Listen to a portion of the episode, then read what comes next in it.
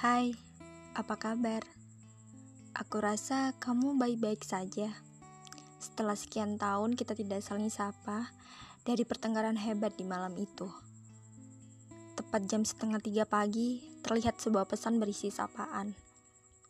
Ternyata itu darimu, memanggil namaku.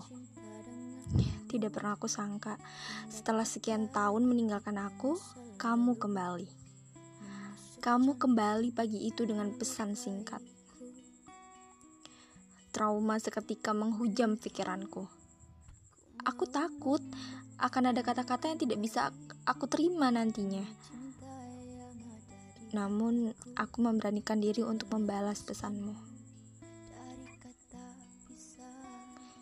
Setiap kata yang aku lontarkan, aku selalu menimbang-nimbang. Sebab aku paham paham sekali dengan sifatmu. Lama-lama, perbincangan kita mulai mengarah pada hubungan kita yang dulu. Itu di luar dugaanku. Kamu bilang, dulu aku tidak pernah memberimu jeda untuk berpikir. Padahal saat itu aku benar-benar takut kehilangan kamu. Saat itu aku tidak ingin kamu pergi. Aku sangat menyayangimu. Aku cinta. Tapi entah untuk saat ini, apakah yang telah kukubur harus kugali lagi?